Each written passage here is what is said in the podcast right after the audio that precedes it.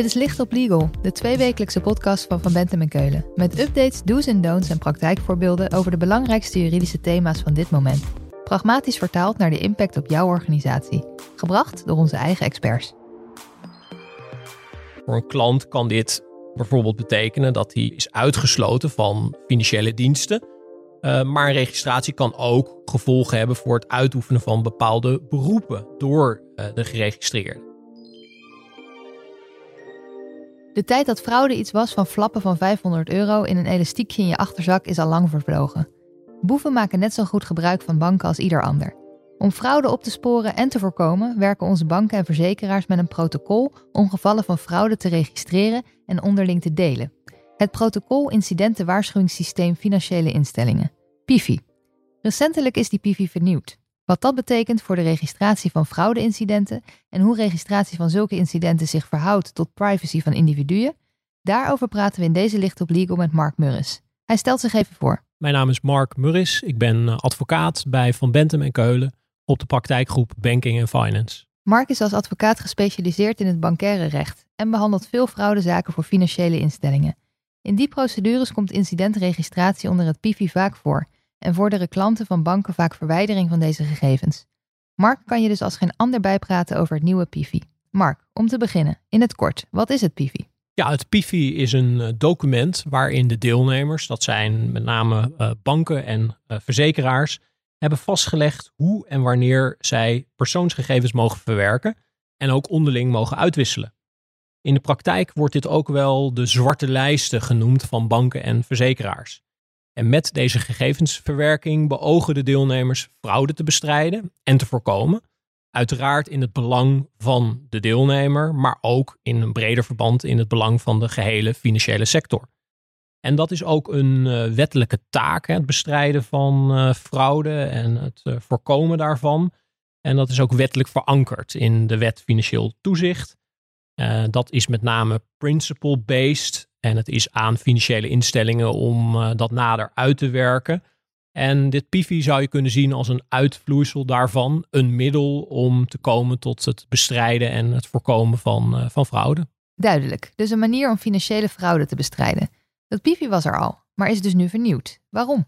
Ja, de laatste versie van het PIFI dateert uh, alweer uit 2013.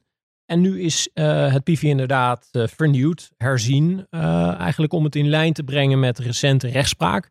Maar ook om het in lijn te brengen met de, de wet. Um, hè, de oude PIVI was onder de wet bescherming persoonsgegevens. En inmiddels hebben we alweer enkele jaren de AVG, de Algemene Verordening Gegevensbescherming. dus met name ook vanwege die wet is er nu een herziening. En is er een, een nieuwe uh, PIFI. Er moest dus het een en ander worden aangepast vanwege de aangescherpte privacybescherming onder de AVG. Het bijhouden van fraudeincidenten is natuurlijk een afweging tussen de belangen van individuele burgers en de integriteit van ons financiële stelsel. Laten we de materie induiken. Zo'n fraudeincident, wat moet ik me daarbij voorstellen? Ja, inderdaad. Het is uh, het incident, dat is een heel belangrijk begrip in het kader van dit uh, PIFI. Uh, het wordt ook gedefinieerd aan het begin van het protocol. En um, dat wordt beschreven daar als een gebeurtenis die als gevolg heeft of zou kunnen hebben dat de belangen, de integriteit of de veiligheid van de cliënten, van de financiële instelling of de financiële sector als geheel in het geding zijn of uh, kunnen zijn. En je kan daarbij denken, en die voorbeelden worden ook genoemd in het PIFI zelf, aan het falsificeren van nota's, aan identiteitsfraude, aan skimming, aan verduistering in dienstbetrekking, phishing uh, of opzettelijke misleiding. Dus uh, veel uh, vormen van fraude. Ja, het is dus een heel ruim bereik. Allerlei vormen van fraude dus. Sommige dingen die je noemt ken ik, andere niet. Zou je een paar praktische voorbeelden kunnen geven? Ja, zeker. Um, hè, fraude, vormen van fraude wisselen ook met de tijd. Uh, hè, eerst was er veel sprake van skimming. Uh, wat je de laatste tijd steeds meer ziet, is bijvoorbeeld uh, marktplaatsfraude. Um, maar ook factuurfraude. En dat zijn vormen van fraude waar vaak professionele criminele organisaties achter zitten. Vaak opereren die ook internationaal. En eigenlijk wat de fraudeurs proberen is om zo snel mogelijk uh, financieel gewin uh, te creëren. En ook om uh, het geld zo snel mogelijk weg te sluizen. En dat gaat vaak via het bankaire systeem.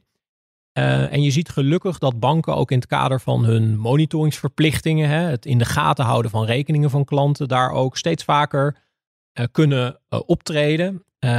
en kunnen helpen om dit soort fraude en de gevolgen daarvan hè, te, nou ja, te beperken. En je ziet dat daar vaak uh, sprake is dan van rekeningblokkades. En uiteindelijk, uh, hè, als de rekeninghouder ook geen goed verhaal blijkt te hebben. En er dus daadwerkelijk ook concrete aanwijzingen zijn dat die rekeninghouder niet de goede trouw is. Dan zie je dat er ook gegevensverwerking plaatsvindt door banken. Um, en dat is een goed middel om um, ervoor te zorgen dat financiële instellingen ook gewaarschuwd zijn. Om te voorkomen dat de fraudeur van de ene financiële instelling naar de andere financiële instelling kan gaan en eigenlijk zo een spoor van, um, ja, van schade um, uh, achter zich, uh, achter zich laat. Je zegt dus dat banken dit soort frauduleuze handelingen steeds sneller in de smiezen hebben. Dat betekent dat ze het dan dus ook als incident gaan registreren. Hoe werkt dat registreren? En kan ik die registratie ook meteen voorwaarden naar alle andere banken? Dat is wel zo efficiënt, toch? Ja, zeker. Banken werken inderdaad uh, ook met elkaar samen en verzekeraars uiteraard. Um, en ze hebben daar speciale afdelingen voor die daarvoor verantwoordelijk zijn. En zo is dat ook vastgelegd in uh, het uh. Dat is de afdeling veiligheidszaken, zoals dat veelal genoemd wordt. Um, die hebben de exclusieve bevoegdheid om daadwerkelijk die registraties door te voeren. En daar zijn dan twee smaken. Aan de ene kant is er het interne uh, verwijzingsregister. Dat wordt afgekort met IVR. En aan de andere kant het externe verwijzingsregister, het EVR. En het externe verwijzingsregister is een, um, ja, wat zal ik zeggen, een zwaarder middel. Uh, dat gaat dan om ernstige incidenten. En um, dat zorgt ervoor dat dat ook zichtbaar is bij andere uh, financiële instellingen. En dat gaat dan op basis van een uh, hit or no hit mechanisme. Uh, als er een hit is, dan ziet de andere financiële instelling dus dat er gegevensverwerking plaatsvindt uh, in dat externe verwijzingsregister. Ja, precies. Dus het wordt intern geregistreerd. En als het ernstig genoeg is, wordt het extern geregistreerd. Daarbij wordt niet gezegd waar het om gaat. Alleen persoonsgegevens worden geregistreerd. Maar wat zijn nou de gevolgen van zo'n hit? Ja, eigenlijk uh, het gevolg daarvan is dat uh, de financiële instelling die met zo'n hit wordt geconfronteerd, uh, informatie moet gaan inwinnen bij de instelling die de gegevens heeft verwerkt. Dus het verhaal achter de registratie, um, dat moet onderling worden uitgewisseld. En dat loopt ook via die afdeling veiligheidszaken. Um, en daar wordt dus informatie uitgewisseld, zodat de financiële instelling uh, die de informatie nodig heeft, uh, ook een afweging kan maken en kan beoordelen met welke klant zij te maken heeft. En uh, vervolgens dus kan beslissen of zij een, een, een, nieuwe relatie aangaat met die klant of een nieuw financieel product aan die klant verstrekt. Dus de bank maakt zelf de afweging of ze wel of niet met die klant in zee gaat. Het gaat hier natuurlijk steeds om persoonsgegevens. Je zei het in het begin al. Het PIFI is aangepast vanwege de AVG. Dus privacy van individuen en de belangen van financiële instellingen kunnen mogelijk conflicteren. Hoe zit dat? Ja, daar kan, kunnen inderdaad conflicten uh, ontstaan. Uh, zeker ook zo'n EVR-registratie, die kan voor de klant natuurlijk verstrekkende gevolgen hebben. Voor een klant kan dit bijvoorbeeld betekenen dat hij uh, is uitgesloten van financiële diensten. Uh, maar een registratie kan ook gevolgen hebben voor het uitoefenen van bepaalde beroepen door uh, de geregistreerde. En de AVG die vereist, uh, die stelt daar dus hoge eisen aan. En vereist ook dat er een doel of een grondslag is voor die verwerking van die persoonsgegevens. En bij het verwerken van persoonsgegevens volgens het PIFI is dit doel gelegen in het feit dat het gerechtvaardigd belang van de financiële instelling zwaarder weegt dan het belang van de klant.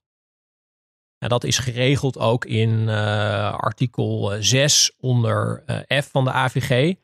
Ehm, en het is hier ook zo dat de autoriteit persoonsgegevens hè, dat is eigenlijk de privacy waakhond, dat hij hier ook een vergunning heeft afgegeven.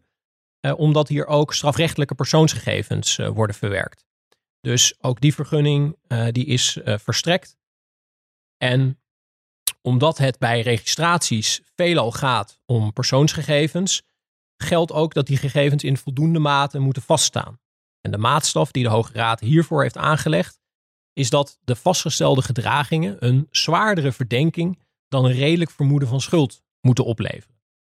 En verder moet bij registratie van persoonsgegevens ook het zogenaamde proportionaliteitsbeginsel in acht genomen worden. En ook het subsidiariteitsbeginsel. En deze beginselen houden in dat het belang van de financiële sector bij registratie moet worden afgewogen tegen de nadelige gevolgen van een eventuele registratie voor de geregistreerde. Dus als het ervoor zorgt dat je nergens meer boodschappen kunt doen, waardoor je niet meer kan eten, dan zal het persoonlijk belang zwaarder wegen dan dat van de bank. Dat belang zal dan eh, zeer zwaar wegen, eh, zeker. Je noemde al het toetsingscriterium van de Hoge Raad. Een zwaardere verdenking dan een redelijk vermoeden van schuld. Dat is voor mij een beetje vaag. Heb je een voorbeeld van wat ik me daarmee voor moet stellen? Ja, een rechter zal altijd kijken naar eh, het dossier, hè, naar de feiten en omstandigheden die er zijn en ook naar het, eh, het bewijs dat bij de financiële instelling eh, aanwezig is. Een enkele verdenking van betrokkenheid bij een strafbaar feit, in de zin dat er dan een vermoeden is van schuld, dat is onvoldoende. Ehm, er moet meer zijn en in het dossier van de financiële instelling moeten eigenlijk zodanige concrete feiten en omstandigheden eh, aanwezig zijn dat zij ook als een strafbaar feit kunnen kwalificeren, ook in de zin van het wetboek van strafrecht en het wetboek van strafvordering. Uiteindelijk is het niet de strafrechter die hierover bes- eh, beslist. Eh, daar moet wettig en overtuigend bewijs zijn. Eh, maar deze gegevensverwerking wordt uiteindelijk getoetst door de civiele rechter. En de civiele rechter, eh, daar geldt een andere bewijsmaatstaf, een lichtere bewijsmaatstaf dan in het strafrecht. Voor een civiele rechter moet wel eh, een redelijke mate van zekerheid eh, verkrijgen over eh, de feiten. Eh, dus daar, ehm, dat is uiteindelijk het criterium eh, waar het om draait. En nou zie je ook dat eh, dit nog veelal onderwerp is van een kort gedingprocedure, omdat er bij de geregistreerde een spoedeisend belang is bij verwijdering. En dan zie je weer dat een rechter ehm, eh, voldoende aannemelijk eh, moet vinden dat er betrokkenheid is bij een incident. Dus je moet wel met iets komen, zoals een digitale papertrail of zo. Als je de transactie een gek bedrag vindt, dat is niet voldoende. Nee, er moet inderdaad eh, onderliggend eh, bewijs zijn. Dus de vraag of fraude voldoende vaststaat, wordt getoetst aan de hand van een strafrechtelijk criterium. En het zijn natuurlijk ook strafbare feiten. Dan komt het OM al snel kijken. Maar het OM besluit ook wel eens dat een strafbaar feit geen zaak is. Dan seponeren ze. Word ik dan gewoon weer van die zwarte lijst afgehaald? Nou, dat zou heel goed een eh, omstandigheid kunnen zijn op basis waarvan je als financiële instelling de registratie moet beëindigen. Eh, het is wel zo dat ook daar eh, maatwerk zal plaatsvinden. En de financiële instelling zal goed moeten kijken wat de achtergrond is van de CEPO-beslissing. Er zijn best gevallen denkbaar ehm, waarbij eh, er nog altijd toch voldoende informatie is in het dossier van de financiële instelling op basis waarvan er sprake is van een incident. Ehm, en waarbij je dus toch ook ondanks een CPO-beslissing nog steeds een gerechtvaardigd belang kan hebben bij handhaving van die registratie. En daar zijn ook wel voorbeelden van in de rechtspraak. Eh, al zal zo'n CPO-beslissing zeker ook in, eh, in veel gevallen eh, ertoe kunnen leiden dat, dat de registratie beëindigd dient te worden. Helder. En als ik nou op zo'n zwarte lijst terechtkom, blijf ik dan daar mijn hele leven op staan? Nou, dat is wel gemaximeerd in tijd. De maximale eh, termijn is acht jaar. En na acht jaar ehm, wordt, worden dus alle registraties automatisch beëindigd. Eh, uiteraard, hè, als er weer sprake is van nieuwe incidenten, dan gaan, gaat er weer een nieuwe achtjaarstermijn lopen. Het is niet zo dat eh, een financiële instelling automatisch iemand acht jaar mag registreren. Want ook ten aanzien van die registratietermijn dient apart ook een proportionaliteitstoets te worden gedaan. Eh, dus daar, ehm, ja, daar dient wel degelijk eh, zorgvuldig naar te worden gekeken. Dus het is een dubbele toets. Eerst kijk je, kom je op die lijst. En als je erop staat, wordt er een aparte afweging gemaakt hoe lang je op die lijst blijft staan. Komt het nou vaak voor dat je korter op die lijst staat dan acht jaar? Ja, daar zijn wel uh, voorbeelden van. Ook um, als er sprake is van ernstige incidenten. een bekend voorbeeld is bijvoorbeeld de fraude die gespeeld heeft intern bij de vastgoedpoot van SNS Reaal. bij SNS Property Finance. De betrokkenen al daar zijn uiteindelijk ook strafrechtelijk veroordeeld. maar hebben wel met succes uh, zijn die opgekomen uh, in rechten tegen uh, de termijn van registratie. Um, zij hadden daar zoveel last van, van die registratie. Het ging in dit specifieke geval om een fiscaal jurist en een registeraccountant. Die zich schuldig hadden gemaakt aan ernstige strafbare feiten. Um, he, daar was gewerkt met allerlei fake facturen, waardoor zij allerlei geld naar zichzelf hadden toegesluist. Um, maar vanwege deze registraties konden zij in de financiële sector geen baan meer vinden. En dit belang van deze geregistreerden werd door het gerechtshof als zo zwaar gewogen dat het gerechtshof van oordeel was dat een registratieduur van drie jaar um, voldoende was. En he, dus in het kader van die proportionaliteitsafweging werd daar eigenlijk een verkorting uh, van vijf jaar gegeven. En daar zijn nog wel meer voorbeelden van te vinden in de rechtspraak. Dus ja, je ziet dat een rechter daar alle belangen weegt. Um, ook een financiële instelling uh, moet dat uiteraard doen. Mark, om af te sluiten, wat moet ik als financiële instelling nou direct doen na het luisteren van deze podcast? Ja, wat er uh, direct gedaan moet worden, het uh, PIFI is natuurlijk al van kracht. Ehm, het PIFI zorgt ervoor dat financiële instellingen goed moeten documenteren wat ze doen. Ook in het kader van de informatieuitwisseling tussen financiële instellingen. Dat moet goed en zorgvuldig worden vastgelegd, zodat dat uiteindelijk ook toetsbaar is. Um, en er moeten dus proportionaliteitsafwegingen en subsidiariteitsafwegingen plaatsvinden. Ook dat moet goed gedocumenteerd worden. allemaal zodat dat uiteindelijk ook toetsbaar is. Toetsbaar is door, voor de geregistreerde, maar uiteindelijk ook voor een rechter. En nou is het zo dat hè, om hier, hier invulling aan te kunnen geven, er ook op dit moment nog handreikingen en voorbeeldinstructies worden ontwikkeld, ook door de brancheverenigingen, zowel van de banken als van de verzekeraar. Um, en het is nog wachten totdat die uh, handreikingen en die instructies gereed zijn. Uh, die zullen dan ook worden uh, verspreid. dus dat is ook zaak om dat goed in de gaten te houden. Verder blijft het natuurlijk het vastleggen en ook het handhaven van de registraties blijft het maatwerk. En het is belangrijk om dat proces goed ook in de bedrijfsvoering te implementeren. Mark, dankjewel. Als we meer willen weten, waar kunnen we dan terecht? Voor alles over het uh, PIFI uh, kan je mij natuurlijk altijd bellen. en verder um, ben ik ook per e-mail goed te bereiken. Mijn e-mailadres is markmurris.vbk.nl. Dit was Licht op Legal, een podcast van Van Bentem en Keulen. Te beluisteren via Spotify, Apple Podcast of je eigen favoriete podcast-app. Wil je meer weten? Heb je suggesties voor een onderwerp? Of wil je dat onze experts hun licht laten schijnen op jouw juridisch vraagstuk? Laat het ons weten via vbk.nl/slash lichtoplegal.